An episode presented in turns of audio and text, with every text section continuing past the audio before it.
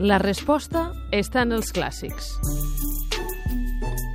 I a la resposta estan els clàssics, escoltem el Joan Santanac amb un fragment de Ramon Llull del llibre Amic i amat. Digues, Foll, què estimes més?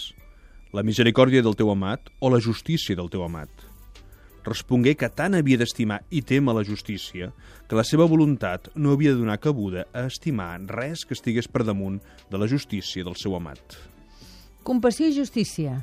Compassió i justícia. Aquí estan els dos valors avui. Mm -hmm. Com repartir-los amb els nostres fills, que no és A veure, això, fàcil. això és bàsic. Eh? Aquí Llull ens, ens destaca la, la importància de la justícia. Hem de ser justos amb les coses que fem.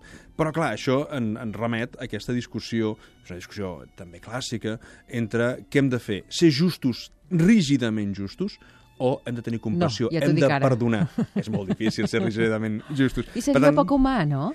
Segurament seria poc humà. Podria ser una, una màquina que importés justícia, efectivament.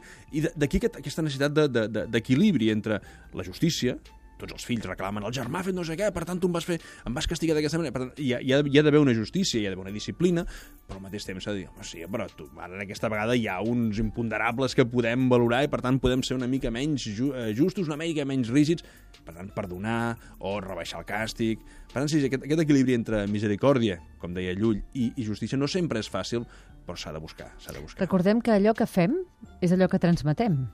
Sí, És a dir, evidentment. eh, apliquem la justícia i la compassió, transmetem justícia i compassió. I els fills ho, ho, assumeixen i després actuen en conseqüència. exacte.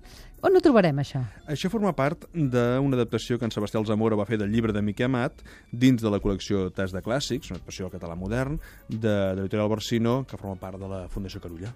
Doncs gràcies, Joan Santanac, editor de l'editorial Barsino, ho dèiem. A vosaltres. Gràcies. Gràcies.